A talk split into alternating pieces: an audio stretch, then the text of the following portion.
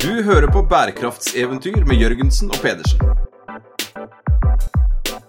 Bli med på eventyrlig jakt på bærekraftig business.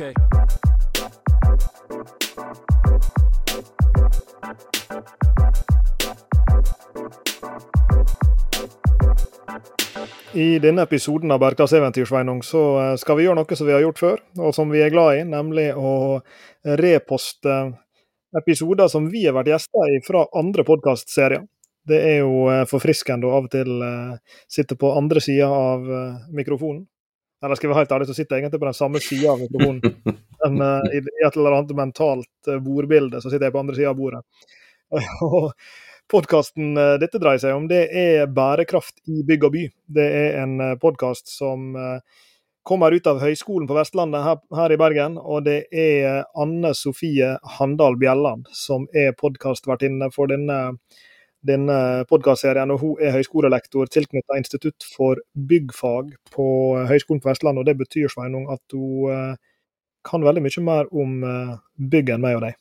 Absolutt. Og som dere vil høre, så stilte hun veldig mange gode spørsmål til oss ut fra sitt ståsted. Eh, forventet at vi hadde svar på det meste. Jeg tror vi klarer å svare på, på, mye her, men vi fikk en veldig fin diskusjon med henne som jeg gleder meg til å, å dele. Det gjør jeg også. Så da, uten noe mer om og men, så setter vi over til Bærekraftseventyr spesial, eller rettere sagt Bærekraft i bygg og by spesial.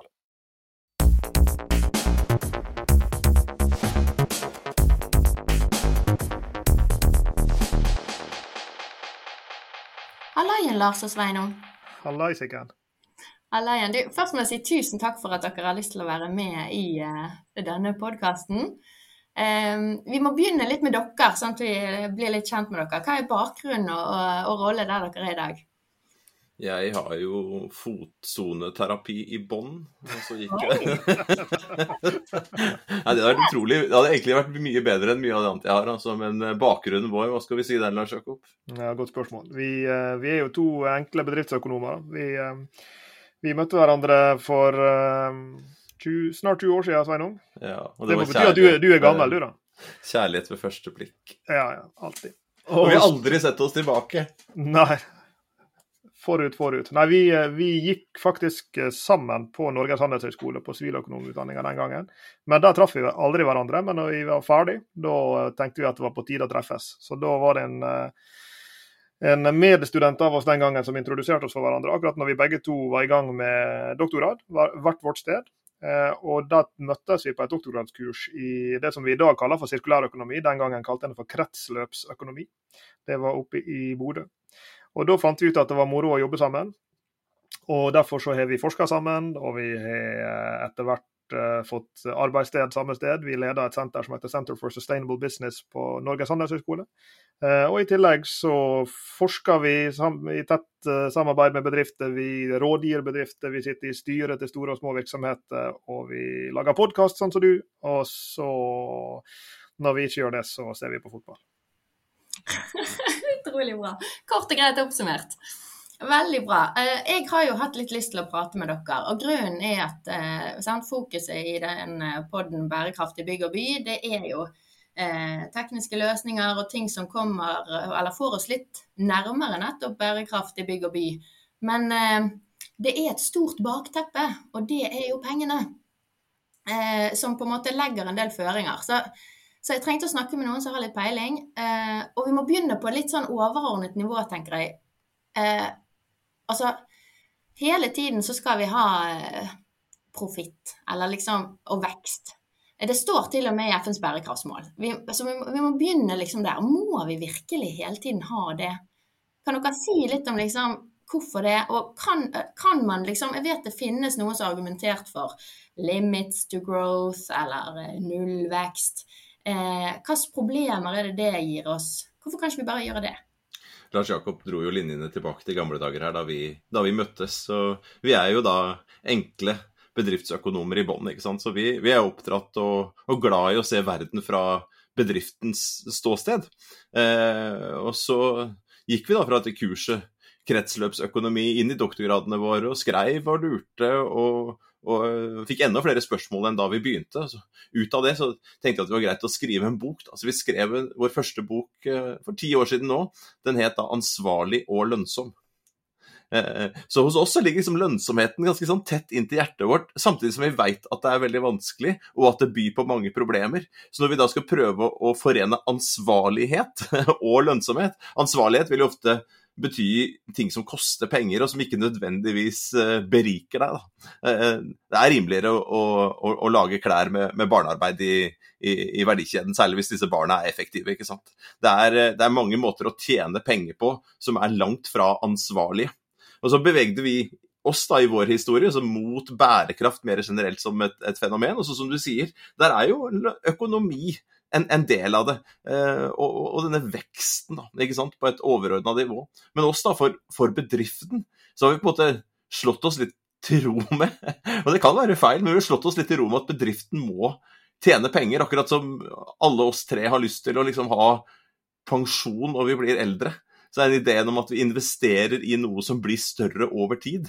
Men når vi da skal samtidig da forholde oss til en, en, en jord med knappe ressurser. Eh, eh, hvor det ikke er sirkularitet, hvor vi graver opp for mye. Vi brenner altfor mye gass og kull og olje og slipper ut masse karbon som er på, på rømmen eh, ute der, som vi er nødt til å fange og nødt til å, å slutte med.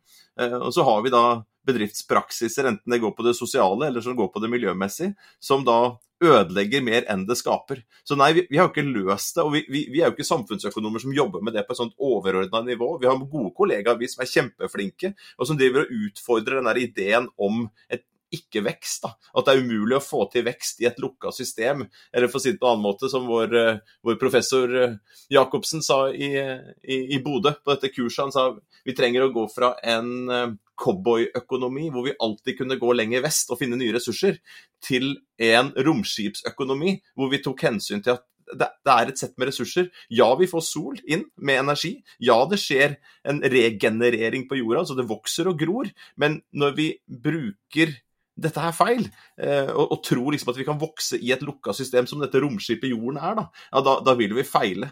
Men, men, vi lever i et spenn der, og jeg, jeg, Lars Jakob kan sikkert svare mye bedre enn meg på presist på det, men jeg, jeg, vi slites litt. Det er litt sånn paradoks, akkurat som ansvarlig og lønnsom. Er, vi leker jo litt med paradokset, på en måte. Eh, og vi er jo der hvor vi utforsker dette her og leter etter løsninger. og Vi, vi har dessverre ikke funnet alle sammen. Men, men, det har jo kommet eh, ett begrep da, som, som, vi må tygge litt, og det er grønn vekst. Altså Det er jo et forsøk på å i hvert fall gjøre økonomisk vekst innenfor et eller annet. Eh, hva, hva kan vi si om grønn vekst? Altså hva er det? Jeg ville i hvert fall tenke på det sånn, eh, nå skulle vi jo hatt vår gode venn Per Espen Stoknes på, på BI, som, som, jo har skrevet både bok om dette og, og forska på det i, i mange år. Og, og jeg tror, Hvis jeg husker at Espen sin definisjon rett, så er jo grønn vekst at han definerer det som økt verdiskapning med mindre samla miljøbelastning, eller noe i den duren. Og, og slik som jeg og Sveinung pleier å tenke på dette, altså Per Espen han er jo mer av en systemtenker enn oss. Som, som Sveinung er inne på, så er jo vi bedriftsøkonomer, og vår analyseenhet på en måte er ofte forretningsmodellen. altså en bedrift har en eller flere forretningsmodeller, og den på en måte er liksom omdreiningspunktet hvor denne lønnsomheten kommer fra, men også hvor fotavtrykkene kommer fra. Fordi at Valgene du tar som bedrift, de leder til noen fotavtrykk, og de valgene er ofte knytta til forretningsmodellen. Eh, og det som jeg tenker på er at en, altså den, den, enkleste inngangen til, til, spørsmålet er jo liksom å tenke altså, vekst i hva? Jo, det, det, finnes jo ulike typer vekst. Og, og hvis vi snakker om, eh, om et bygg, da, så, så, kan vi ha eller vi kan ha to bygg ved siden av hverandre i samme gate. og Så kan vi ha én utbygger som velger å utelukkende bruke jomfruelige materialer inn i det bygget. og så Ved siden av så er det en utbygger som velger å si at eh, jeg har et gammelt bygg som jeg eier, og der kan jeg ta ned gammel betong og kverne den opp og mate den inn i den nye betongen. Og, og der er noen metall, noen bærende metallkonstruksjoner der som jeg kan hamre ned og bruke som spunt under bygget hvis jeg skal ha det, eller hva det enn måtte være. da. Og så vil begge de to ha La oss si for, for enkelhets skyld at begge to selger dette bygget for fem millioner etterpå. Eh, og, og, kanskje til og med begge har hatt nøyaktig nå bare dikter jeg opp tall for å gjøre det enkelt, da, begge to har hatt nøyaktig tre millioner i, i kostnader i å sette opp dette bygget. Men den ene av dem han tok noen valg som dreide seg om å utelukkende bruke jomfruelig, mens den andre valgte å, å, gjenbruke i større grad betong og stål og hva, hva det måtte være. Da vil vi se at ok, her er det en som har valgt en, en forretningsmodell da, for, for, bygget sitt, eh, hvor det liksom sirkularitet og miljøpåvirkning har blitt hensyntatt i utforminga av forretningsmodellen. Og Det betyr at liksom i et sånn, hvis vi liksom aggregerer dette opp til et sånn vekstperspektiv, da, så skulle vi kanskje ønske oss mer av den typen vekst som det sirkulære bygget der representerer, enn det andre bygget. Eh, så, Hvis vi bryter det ned på mikronivå, så er jo det slik vekst blir til. Og Hvis jeg husker det rett, så tror jeg det er Per Espen som, som har sagt en gang at at økonomisk vekst er jo ikke et problem hvis det er vekst i antall yogatimer vi, vi tar med i betraktning. Altså, folk betaler for å få yogatimer. Veldig stilisert eksempel, men, men, det er selvfølgelig sant. Det er en type økonomisk verdiskaping som har et veldig veldig lite fotavtrykk. Og så kan vi komme på mange eksempel på andre typer verdiskaping. Ting folk betaler for som har et mye større fotavtrykk. Flyreise til Costa Rica og tilbake, f.eks. Eh, så, sånn at liksom, Noe av spørsmålet blir jo liksom, vekst i hva? Og vekst på, på hvilke måter. Og som, som Sveinung sier, når vi liksom aggregerer dette opp til summen av økonomien, så er det klart at vi hele tida står og stanger mot ressursbeskrankningene som denne planeten tilbyr oss, liksom, inne i romskipet her vi bor.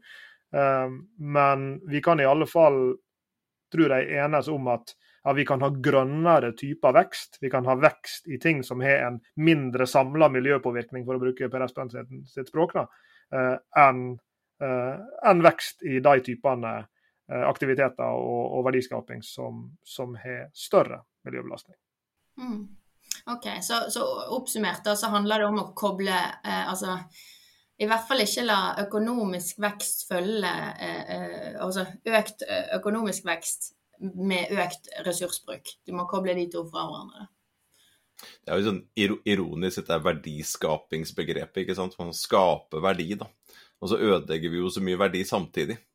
Så, så hvordan skape verdi på en sånn måte da som uh, tar hensyn til, til, til jorda, da, som, som, uh, som, som, skaper et godt liv for de som er her nå, og, og muligheter for de som skal være her seinere. I den der, uh, gamle dager-boka vår så brukte vi begrepet skygge og lys om rundt forretningsmodellen, og så på de negative sidevirkningene som skygge altså en bedrifts skyggesider og, og, våre skyggesider som mennesker. Da. Jeg, jeg har en skygge som, som, er der fordi at jeg fins, de valgene jeg gjør. Og en bedrift uh, på samme måte, ikke sant. Altså det, det, kan være forurensningsrelatert, det kan være utslipp av, uh, av, CO2 eller klimagass i atmosfæren, det kan være forhold i, i verdikjeden, uh, ikke sant. Altså mange, mange sånne skyggesider.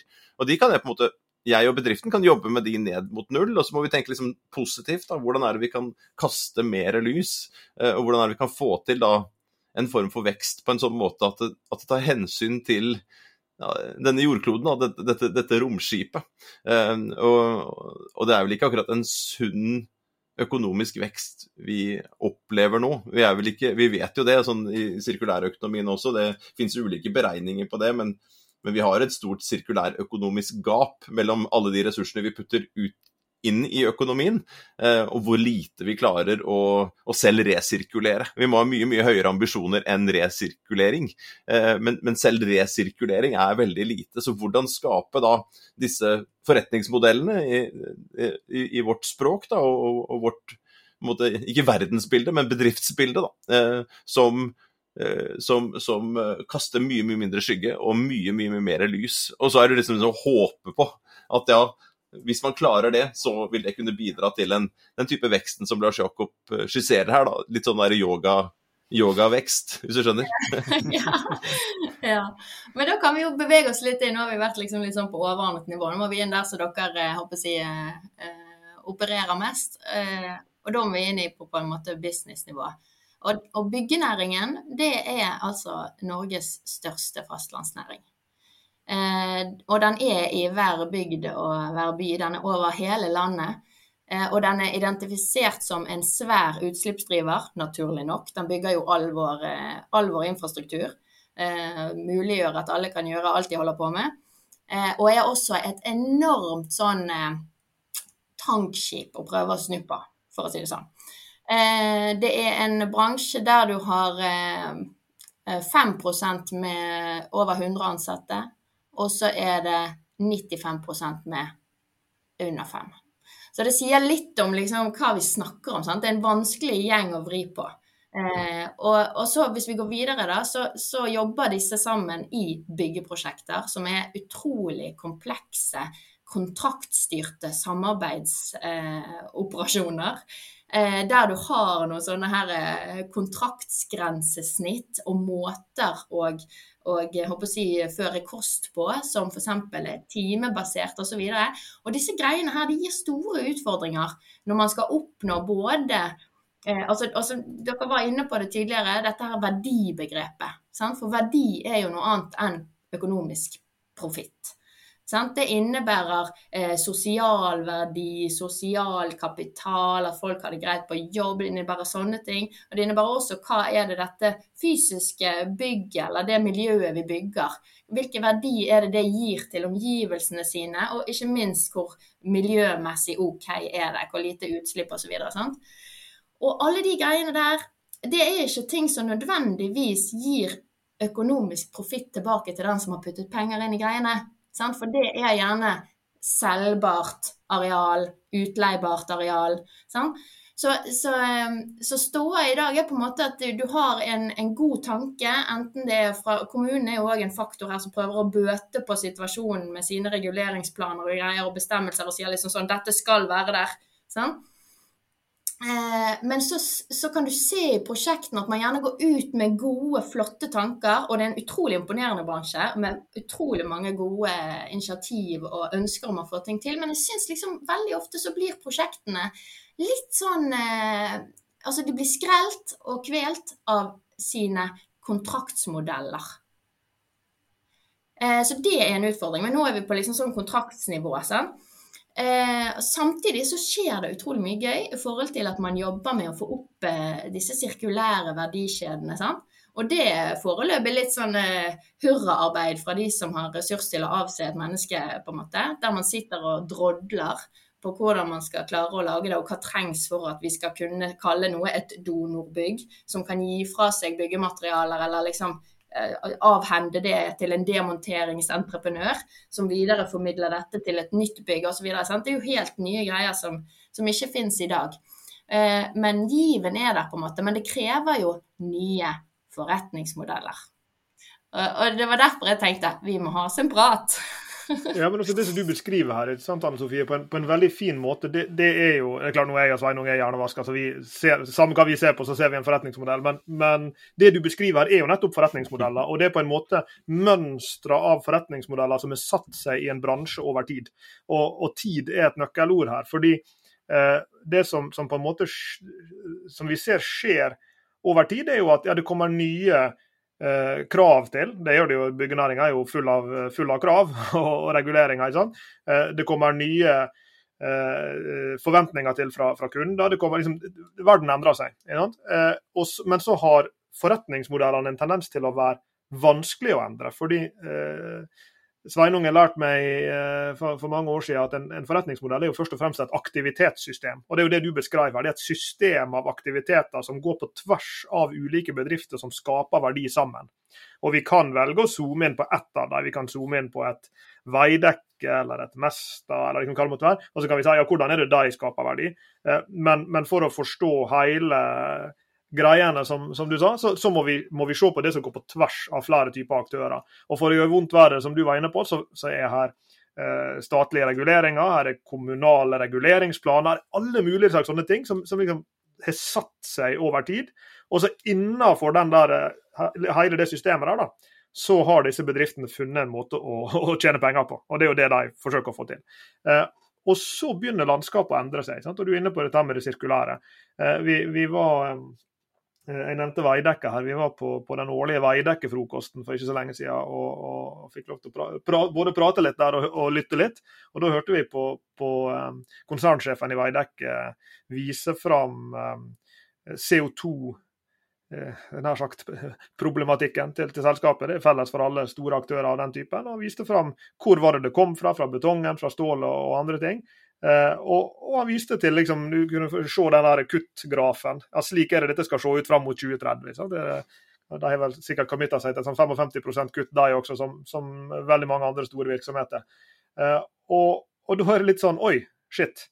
her kom det plutselig noen nye beskrankninger som, vi, som bransjen ikke har vært rigga til å, å deale med. Fordi i alle disse årene når dette systemet har, satt seg på et vis, og disse forretningsmodellene har vokst fram, så har ikke det å kutte CO2 vært en prioritet. Det å gjenbruke gammelt stål eller knuse opp betongen og mate den inn i, i betongproduksjonen for å, for, å, for å, kunne resirkulere og gjenbruke gammel betong, det, det, har ikke vært en prioritet. fordi Det har ikke vært, har ikke vært noen som har betalingsvilje for det, det har ikke vært noen som har regulert eller stilt krav til det. Men så plutselig så beveger vi oss mot en verden der disse tingene skal skje. Og Det som gjør vondt da, både for den enkelte bedrift med sin eller sine forretningsmodeller, men, men også for liksom systemet som helhet, det er at en står litt sånn låst fast der som industri, eller som bransje, som, som har liksom blitt skapt i en tid hvor ting ikke var sånn. Og så skal vi inn i denne nye verden, og hvordan skal vi snu den skuta, som du sa. Hvordan skal den innovasjonen på forretningsmodellnivå skje, både for den enkelte bedrift i denne kjeden, men også for kjeden som sådan. Og Det betyr da at da vil ja, kanskje kommunen måtte tenke nytt om reguleringsplanene sine. Det kan godt hende at det må komme nye tekniske krav til byggene som, som stiller krav til gjenbruk. Det kan hende ditt, det kan hende datt. Og bankene stiller andre krav til å, å finansiere byggene, for de skal se at dette er liksom en livsløst perspektiv, ser det som en god idé, at CO2-en er under kontroll, at kanskje det har vært gjenbruk, hva vet jeg hva, hva, banken ønsker, men de kan stille disse typene krav. Og så er det da mange aktører som hver på sin side prøver å danse innad der, men det er ikke så mye rom å danse på. Ja? Fordi alle sammen skal levere på de forventningene til avkastning de har på det enkelte bygg og på det enkelte prosjekt. og alt sånt. Eh, og, og, og der står vi, liksom. Ja, det, det, det, der er krevende. Dette er forretningsmodellinnovasjon i praksis. Det er sånne ting jeg og Sveinung forsker på og, og underviser i. Og det er fryktelig vanskelig å få til. fordi ting har satt seg, ting er sånn som de er, og så skal vi over i noe annet. Og hvordan i all verden skal vi komme oss dit? Hmm, OK. Ja, men, men, men det er dette med Ja, deprimerende. Vi bare, vi bare slutter. Ja, ja, ja. Takk for praten. Veldig bra. Check it out.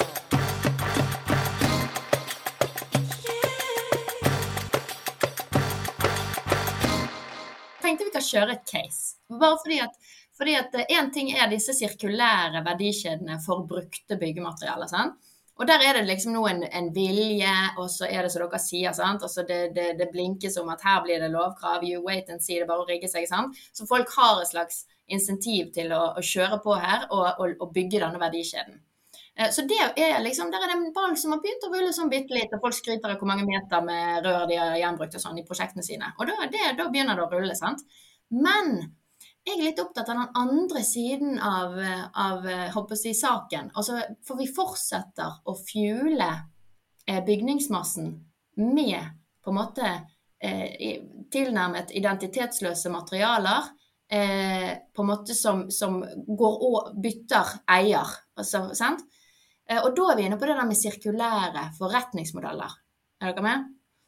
Så, så, så, hvis vi ser for oss nå Nå er Casey i Bergen som jobbes med, da, det er jo liksom Vestlandet. Vi skal bli best på gjenbruk av ventilasjonskanaler. Disse her eh, stålrørene som gir oss frisk luft i bygg. sant? Eh, robuste saker kan, kan, egentlig ganske lett gjenbrukes, men det er ikke lett for det. Men, men allikevel. sant? Vi begynner der. Så nå jobber de med å bygge den kjeden. Men, men spørsmålet er jo de som tidligere har levert, solgt løpemeter med disse rørene, hvis de tenker at nå må vi jo begynne å kjøre eh, en sirkularitet i vår forretningsmodell, hva, hva skal de gjøre? Og, og, hvordan kan de gjøre det? For det, de, det må også, det, dette er ikke sånn startup-aktivitet. Dette må jo de store moskedontene på en måte begynne å gjøre sånn på siden. Og så kan det kanskje ta over hele butikken etter hvert. Så, så, det var det, det, Der vil jeg gjerne ha litt sånn råd fra dere. Hvordan bør alle de som leverer på, på den rette linjen, håper jeg, lineær økonomi, leverer inn masse hardware i byggene, hvordan skal de flytte seg derfra til på en måte Det er et riktig godt spørsmål. Ja, men nå må jo dere svare. Jo, det, jo det, er, det, er, et veldig godt spørsmål, og, og vi møter jo dette her i, i, i mange bransjer. Ikke sant? Altså sånn der, vi, vi, har, vi, har, brukt da en 100-200 års tid på å bli skikkelig gode på lineær økonomi. Når jeg stikker og spiller tennis, og det gjør jeg titt og ofte, så, så veit jeg at hver gang jeg plukker opp en ny ball, så har den reist rundt jorda to ganger. før jeg slår den til fillebiter på et par timer. Eh, og så er det gjerne nye baller neste gang. Ikke sant? Eh, og hvor går den hen da? Og det, og det er jo den mest rasjonelle måten å lage en tennisball på. Det er da å fly den to ganger rundt jorda, eller i hvert fall frakte den to ganger rundt jorda før den kommer til meg. Eh, man henter de ulike materialene, sender det til langt eh, vekk i stand, og der produseres det, og så sendes det, sendes det opp, i dette tilfellet, til oss. da. Så sånn sett har vi, vi har blitt fryktelig gode på Og det er kjempeeffektivt, og det er lønnsomt, men så har det disse nedsidene. og så skal da alt fra disse tennisballprodusentene til disse rørgigantene som du snakker om her, da, legge om til en annen type virkelighet, hvor det ikke er da eh, pris per meter og, og, og, og salgsprisen som nødvendigvis er viktig, men man skal begynne å tenke liksom ja, hvordan kan vi bruke disse rørene lenger på, på nye måter? Hvordan kan vi designe nye rør, sånn at, eh, at, de varer lenger, bruker mindre ressurser når de blir lagd. Og hvordan skal vi få dem tilbake igjen i loopen. ikke sant? Så dette er liksom alt fra den liksom bitte lille dumme tennisballen til disse svære eh, tingene som du nevner. Vi møter det overalt, og det betyr jo at man må det vi kaller redesigne hele forretningsmodellen.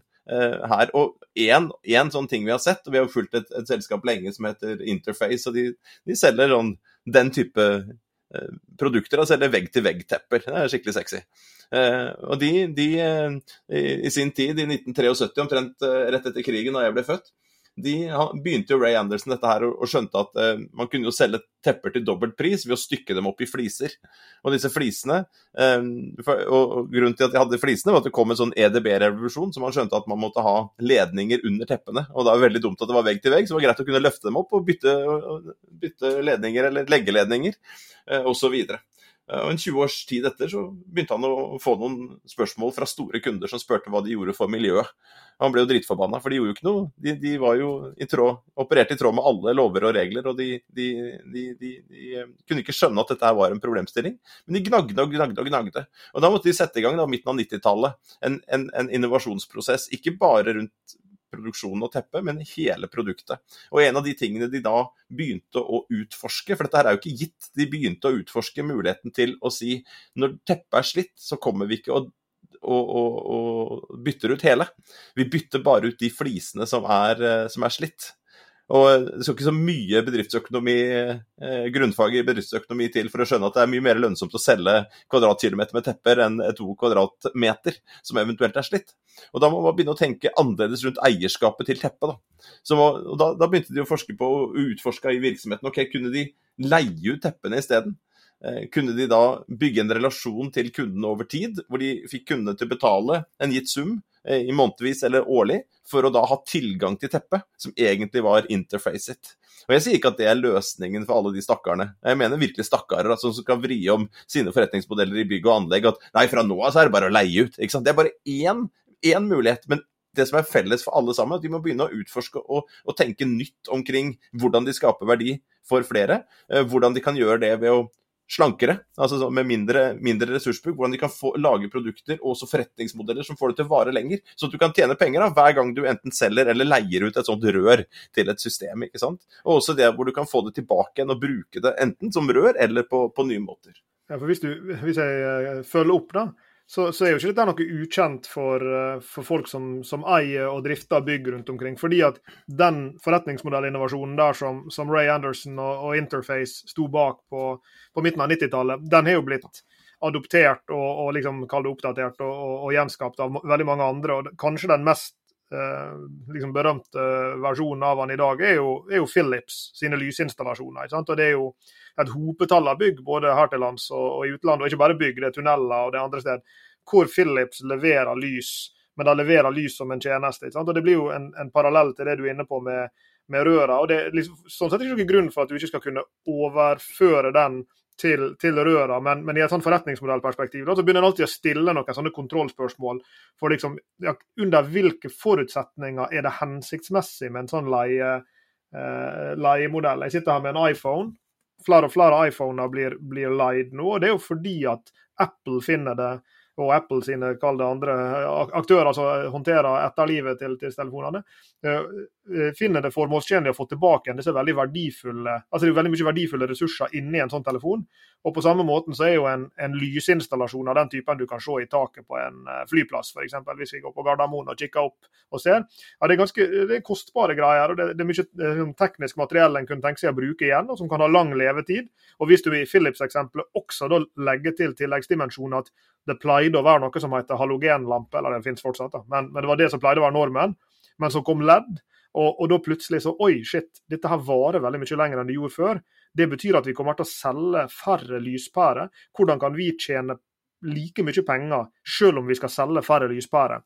Og Da viser det at ja, i, i konteksten av lys så gir det veldig mening å si at fordi at vi har gått fra halogen til LED, fordi at det er dyre og komplekse installasjoner som vi godt kunne tenke oss å gjenbruke i stor utstrekning, så gir det mening å få dette her over på en leiemodell. Og så er det nok ikke alle ting. Der er nok en grense for hva du burde leie ut. Vi snakka med en asfaltprodusent nede på Sør-Vestlandet en gang som drev og lurte på om man burde begynne med asfalt som en tjeneste. Og det, ja, Kanskje, kanskje ikke. Jeg er ikke sikker. Jeg vet ikke noe om produktet, jeg vet ikke noe om markedet.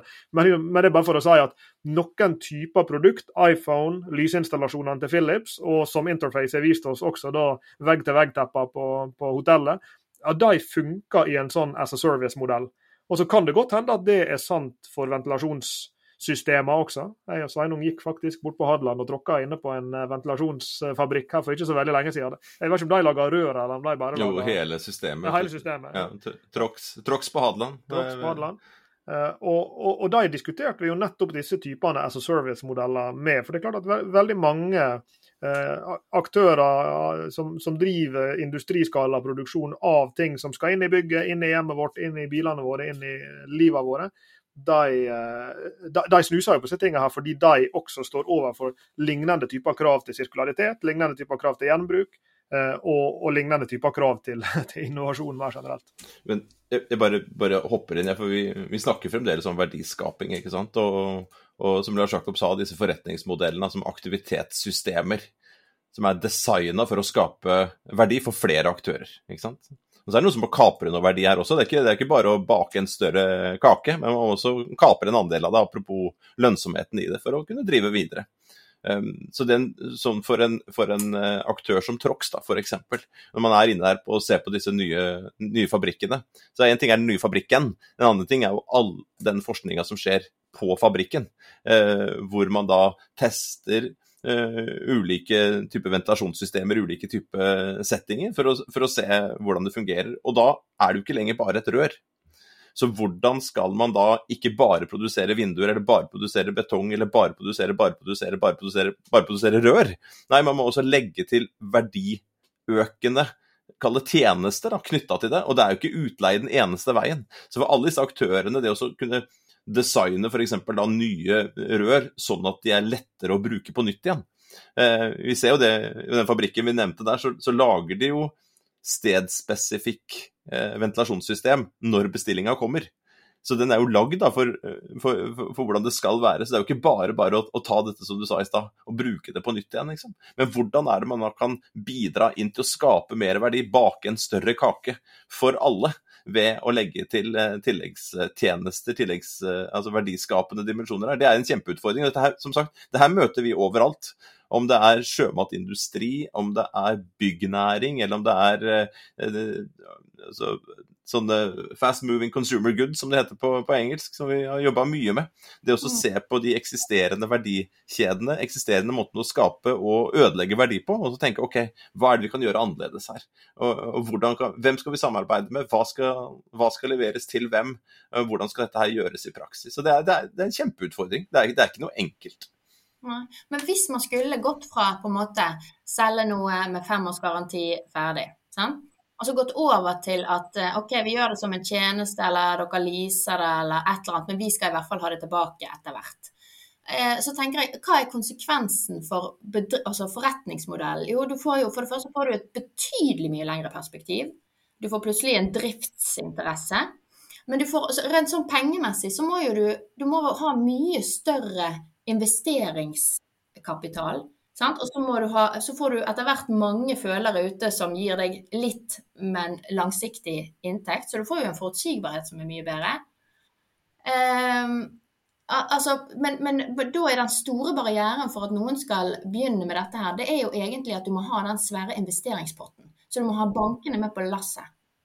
Det det, det er, jo det, som ligger i design av forretningsmodeller. Det er å se på hva er det vi gjør i dag, og hva er det nye vi skal gjøre, og hvem skal vi ha med oss for å gjøre ulike oppgaver der. Og banken er jo en da som en, en, partner som kanskje må, som du sier, eller helt sikkert må, eller en investor, eller et, et Jeg tenker på disse, disse sånn investeringsfondene, er det ikke det det heter, til uh, type private equity-aktører, som har da mer sånne sånne, investerer i en havn eller investerer i prosjekter som ikke gir så høy avkastning til, til de som investerer, men det er ganske sånn steady flow av, av inntekt der over tid.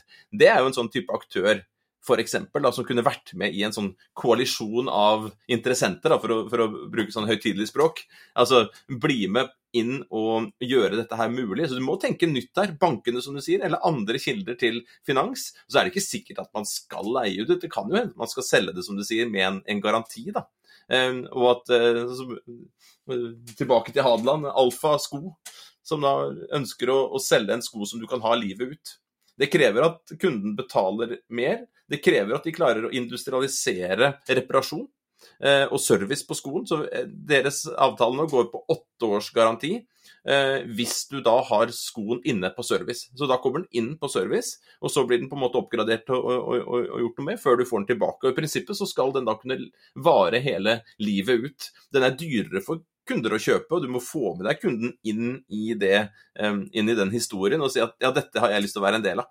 Eh, dette har jeg lyst til å identifisere meg, dette er fornuftig både for eh, min økonomi, eh, men også for, for naturen. Og, og som, som, en som går mye på fjellet, så, så, skulle det bare mangle at jeg også da investerer litt for dette her. Så det er ikke en enkel omgjøring. ikke sånn, Å hurra, der står det plutselig sånn reparasjonslinje bare og venter, som er rimelig nok til å kunne gjøre dette her. Her er servicelinja, her er alt sammen. Men de har lansert produktet og jobber med det. Så det er et eksempel på da ikke nødvendigvis en utleiemodell, men en annen type modell, en annen type eh, garantiordning, eh, som krever en annen type forretningsmodell, for at man plutselig trenger da partnere som kan yte service på nye måter, f.eks. Ja, for I et, i et det, enkelt bedriftsøkonomisk perspektiv da, så, så, er det jo et par ting en er nødt til å vite. Og Det ene er det siste som Sveinung er inne på. her. En må vite at en har inntektsstrømmer som, som, er gode nok. Og, og, Noen av dem kan være up front, at du får betalt noe up front. Noe kan være, eller, eller det kan være en, en, leiemodell hvor du får en månedlig sum eller en årlig sum. Eller hva det måtte være. Eller det kan være sånn som Sveinung er inne på, at du føler deg såpass trygg på at, at her vil det være serviceinntekter, her vil det være reparasjonsinntekter. Så hver sko eller hvert rør eller hver, hva vi enn snakker om, da, vil sørge for at jeg har nok inntekt i 2023, 2024, 2025 og overskuelig fremtid, som gjør at dette her kan, kan liksom betale seg på, på inntektssida. Men så er du inne på Anne Sofie, noe som, som, er veldig viktig. og det er jo liksom den investeringskostnadene der, og, det som det innebærer for, for, for, løpende kostnader over tid også. For Det er klart at det er en veldig stor sånn, kapitalbinding i disse modellene. her, og Det er en grunn til at kanskje de som har vært mest suksessfulle i å, å, å få til sånne as a service-modeller, det er gigantiske selskap som Philips og Apple og, og Interface også, som, som om, de er ikke like store som Philips og Apple, men de er store. Og Det betyr at de kan betjene den kostnaden med å investere i rett og slett Varelageret der i, i Interface i tilfelle ligger rulla utover hotellgulv over hele det amerikanske kontinent. Varelageret til, altså Råvarelageret til Apple det sitter jeg og holder i hånda mi her, med min iPhone. En eller annen gang skal bitene inn i denne iPhone her, inn i noen andre sin iPhone. Og Apple planlegge sin produksjon ut fra en sånn logikk at de får tilbake igjen deler som skal inn igjen i fremtidige produkt. Og, og Det er klart at det har både en konsekvens av at ja, de må da kunne finansiere det å at alle disse råvarene liksom, brukes og produseres og, og, alt det der, og, og gjennom livsløpet. Og så på et eller annet tidspunkt skal de få det tilbake igjen. Men en iPhone den har jeg i noen få år. Eh, et teppe ligger kanskje på, på gulvet til et eh, Hilton-hotell i, i, Washington i hva vet jeg, fem år eller noe sånt. Eh, så, så der er det liksom noen tidslinjer. Men jeg går ut ifra at det jevne ventilasjonsrør kan befinne seg i en bygning i Barcode eller i Solheimsviken veldig mye lengre enn det. Så da skal du planlegge for et sånt type livsløp også, da. Eh, og, og, kanskje betyr det at underveis har du oppgraderinger eller reparasjoner eller vedlikehold, og at det skaffer deg inntektsstrømmer. Men at, at, du må anlegge et helt annet perspektiv både for liksom, kapitalen som er bundet opp i disse installasjonene, og sørge for at du da har inntektsstrømmer som, som rettferdiggjør det over tid, det er jo da helt essensielt. Og Det er typisk en, en litt annerledes måte å tenke butikk på enn det disse aktørene har vært vant til før.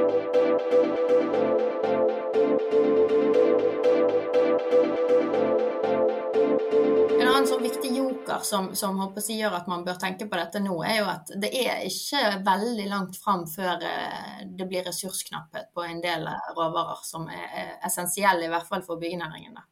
Så, sånn som vindusglass, f.eks. Altså, det kommer en gang der det ikke bare er ja ja, pøse på mer, liksom. Så, eh, så, det er jo et poeng å tenke på. Men hvis vi, nå, nå snakket vi litt om en sånn eh, slags leie eller as a service. Sant? Men fins det andre sånne interessante nye konsept man kan uh, vurdere, eller? Jeg, jeg, vet ikke om det er lov til å si sånn på en, eh, en, en podkast, men uh, det kan jo redigeres bort. så jeg, jeg, prøver meg. Nei, De kommer til å klippe deg vekk i, i sin highlight. Ja, ikke sant. Igjen, ikke sant. Det er Lars Jakob som klipper våre podkaster. Jeg, jeg, er spent på om jeg egentlig er med der i det hele tatt. Men uh, når det er sagt, da, så er det, det er jo litt sånn Det er en blanding av, av selvskryt her og litt selvpisking, for å si det sånn. Uh, for sammen med en, en, en gjeng på, på, Vestlandet og Bergen, så har vi jo startet et selskap som heter Nordic Circles. Uh, og det, det, springer jo ut fra en arkitekt i Vil, i Vil Arkitekter, altså i Vil-systemet. Uh, Fredrik Barth, som gikk rundt og, og, så ut mot sjøen ikke sant? og så på boreriggene og skipene der ute. Og tenkte at de kommer jo til land. og så blir de ofte stykket opp, og så blir de varmet opp, stålet, og så kommer de tilbake som spiker. Og det er jo en form for resirkulering. men liksom kunne det vært mulig å gjort dette på en annen måte? Kunne vi lagd en industri nærmere oss, eh, hvor vi både delte det opp eh, og, og fikk gjenbrukt det i byggene? Så det vi jobber med, er jo da å løse klimaproblemet bl.a., og stålproblemet, men også løse sånn verdiskapingsproblemer i en, i en bransje på liksom, ja, hvordan lage attraktive ting ut av det som har vært. da. Uh, vi kaller det også sånn pre-loved klær, altså klær som har blitt elsket før. Her, her bruker vi den beste stålen, ikke sant? og så skjæres opp og, og, og speltes om og, og gjenbrukes. Uh, eller resirkuleres. Men hvordan er det vi kan er det mulig å oppsirkulere det? Er det mulig å tenke nytt, da? Uh, og vi har mange prosjekter og, og, allerede avtaler inne på og skal selge bryggefronter og sånne gamle skip. Og vi, vi eier et par tonn med kjendisstål, som vi sa før, men nå er det jo opp Det er jo Helge Ingstad som, som vi eier og skal, skal gjenbruke. Eh, og en av tingene, og det er en sånn usynlig del av bygget, ikke sant? det er jo all spunten eh, det, som blir banket ned. ikke sant? Og, og tall på det viser at en, om lag 28% av et byggs klimagassutslipp. Da. Det kommer jo fra spunten, og det er ingen som ser det. Og de fleste, Det er ikke så mange sånn som deg som nikker eh, anerkjennende når man sier høyt spunt. ikke sant? Det er, jo, det er jo virkelig noe ingen har. Du skal være rimelig nerdete for å ha et forhold til det som skjer under bakken. ikke sant? Eh, og vi vet jo at null nullhus i dag, det, det, krever jo at du har en, en, en 60 års horisont med tiltak på enøk, tiltak på, på solenergi osv., som gjør at du kan nedskrive da, det klimautslippet som er der i utgangspunktet. For det er jo skyhøyt. da. Så her er det en sånn helt sånn praktisk måte å, å, få, få skåret opp disse, disse, skipene på en sånn måte at du kan banke da ikke jomfruelig stål ned i bakken, men stål som har, eh, som, som, som, som, har blitt brukt og vært elsket en, en gang før og, og, og gjort nytta si, absolutt. Så, så det er bare et eksempel eksempel. Det er derfor jeg sier altså, er, vi, vi, har en eierpost der, eh, og, og, gått inn der sammen med venner. Lars Jakob sitter i styret. Og det er jo helt sånn konkret, da. Ikke bare liksom drive med skrivebords øvelsene, eller jobbe med disse begrepene, om det er liksom eh, forretningsmodellen, ansvarlighet, eller om det er hva nå det er. Men så sitte der da, sammen med disse aktørene. Og Da skal det bygges en helt ny verdikjede. Og vi må da designe en forretningsmodell med ulike typer aktører. Hvem skal finansiere dette? her? Hvem skal gjøre det? Hvem skal skaffe lærlinger? Hvem skal robotisere den livsfarlige arbeidet for 80 meter da, med, med borerigg inn til land? ikke sant? Eh, hvor, hvor, man har brukt lang, lang, lang, lang tid på å planlegge HMS-tiltak. få sprengt det ene beinet, sånn at den velter trygt. Skåret det og sendt det ut på raskest mulig. Og så skal man plutselig begynne å finne sånne biter her og der. Og, og, og, og borerigger og skip er jo heller ikke designet var jo ikke designet da for å bli tatt fra hverandre. Så man må jo gå inn og tenke hvordan kan vi designe da borerigger og skip i dag, sånn at om 60 år da, så kan de tas fra hverandre. Eh, ideelt sett varer lenger, altså, men hvordan kan det gjenbrukes på, på, nye måter. Så det er sånn, Vi er jo med i utforskingen og, og, og framlekingen av nye ideer, nye samarbeidskonstellasjoner, nye kontrakter. Eh, og litt sånn umulig, for her er det nok av folk som aldri har gjort det på denne måten før. Spunt bestiller man der. Eh, bjelker som skal brukes i, i, i, i, bygget, ja det har man jo arrangementer for, ikke sant. Bryggefronter, der har man aldri tenkt at man kan klippe opp en gammel Askøy-ferge. Eh, vi har jo en pilot på Akvariet i Bergen med en, en, en, sånn bryggefront med et sånt slags fiskehotell hvor småfisk og, og krabber og, og, sånne ting kan leve eh, og vokse og gro der, framfor at det skal være en glatt front. Altså Vi leker litt med en sånn regenerativ eh, idé der. Og det vokser jo som bare det. ikke sant? Og så ideen kan man rulle dette her ut og, og skalere det opp. da. Så, så du, du, du, spurte meg om, om, om, det finnes noen andre måter. Ja, og her er et eksempel på noen andre måter. Ikke den eneste måten, det løser jo ikke alle problemer, men det krever jo at folk i bransjen og folk utafor bransjen da, eh, tenker Eh, og ser på liksom, hva er problemene med dagens praksis, og hvordan kan vi endre den praksisen. Eh, og, og, og, hva er det som skal til, hva er det som må være sant for at vi kan få til dette her i praksis. Mm. Utrolig gøy, da. Jeg må bare spørre rent sånn praktisk, hvem er det dere eh, holder på med disse svære greiene? da? husker aktivitetssystemet som du dro opp her i stad. En, en, forretningsmodell som jeg sa, den, den, strekker seg jo En pleier å tenke på forretningsmodeller på en sånn måte at en, en har et Eh, en har en bedrift i, kanskje i midten, da. altså den som er, er liksom utgangspunktet for forretningsmodellen. og Så strekker han seg over grensene til andre. Og, og Nordic Circles her er jo en liten, liten startup med, med, noen få personer som jobber der. Eh, designere og arkitekter og forretningsutviklere og sånn. Eh, men Nordic Circles har jo ikke noe stålvalse eller noen kjempestore sakser som du kan klippe opp et skipsdekk med. Så, så Derfor så er det jo en, en allianse bestående av ulike aktører i i eh, skra, heter det skrapbransjen, la oss kalle det det, i verftsbransjen uh, og, og, andre. Så, så, det er jo liksom en konstellasjon av en, uh, litt avhengig av prosjektet, fire-fem ulike bedrifter da, som jobber sammen for å få dette her til. Og Da skal jo en forretningsmodell da fungere sånn at alle sammen får noe ut av det. Så de, de, får betalt for, for, sin del, de får sin del av kaka, da, mm. enkelt sagt. Og, og, Nordic Circle står jo på en måte i midten her da, i å være den huben som nær sagt i en viss forstand etterspør det forhåndselskede stålet. Eh, designa produkt som det stålet kan, kan eh, formes til å bli. Eh, finner kundene, som er typisk da folk som eier kaifronter og de eier kaier og de skal sette opp bygg og greier. Eh, og så trenger en da trekke på eh, kompetansen og teknologien til disse aktørene rundt i skrapeaktørene og verftsaktørene og disse her som, som må til for å da omforme eh, dekket på Askøyferga til en eh, nær sagt eh, perforert kaifront som kan eh, monteres opp på ei kai nær deg.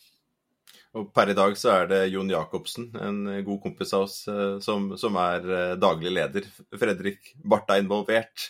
Eh, og, og, og, Truls Indre Arne på kjempeflink designer som, som, lager fantastiske ting. Og disse ulike typer aktørene som Lars Jakob nevner her, som er, er, med per i dag.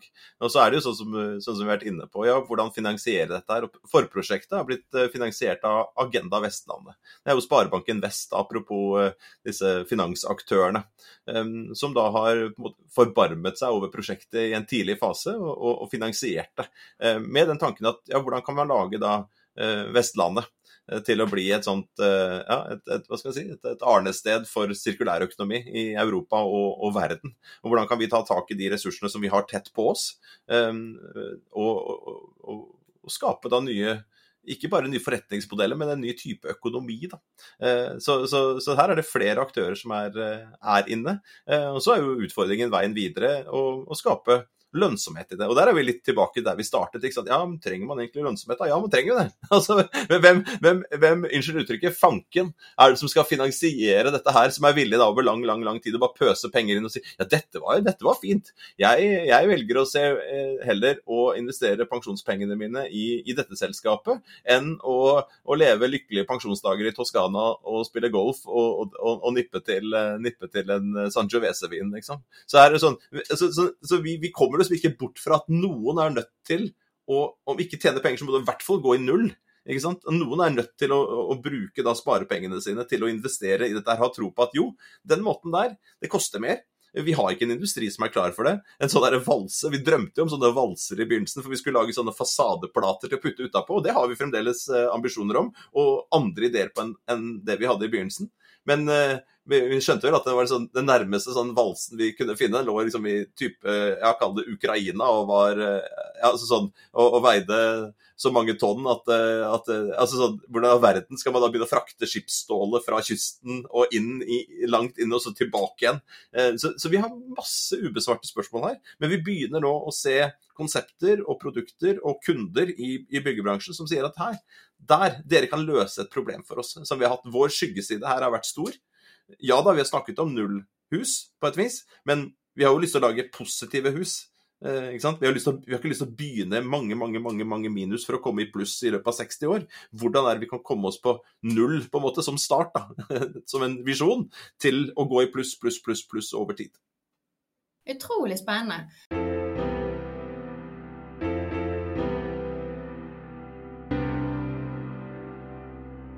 Eh, vi må sule litt opp. Eh, så til slutt, folkens, har dere noen gode råd til de som skal ut og forme morgendagens byggenæring? Drikk med tran.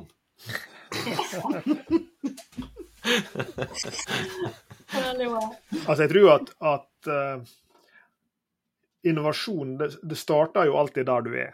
Ikke sant? Altså, så, så en, en, ordentlig erkjennelse av liksom nå-situasjonen, og det å virkelig forstå det aktivitetssystemet du beskrev i stad, det er jo helt nødvendig for å kunne endre det. Eh, vi hadde en verdenskjent arkitekt på besøk på Han er ikke bare arkitekt, men han er det i bånn. Eh, William McDonagh var på NHH forrige uke og holdt en gjesteforelesning. Han var på Vestlandskonferansen dagen etterpå.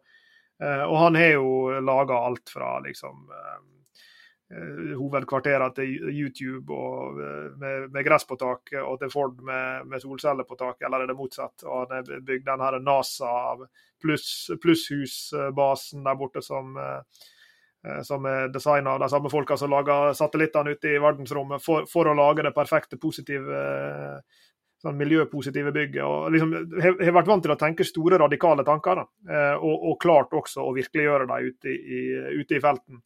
Og Han var jo litt der at liksom, vi, vi, må slutte å tenke inkrementelt. Vi må slutte å tenke at vi liksom skal ta, ja, gjøre ting litt, grann, litt mindre dårlig. Eh, slippe ut litt mindre CO2 i morgen og liksom lage litt mindre avfall i morgen.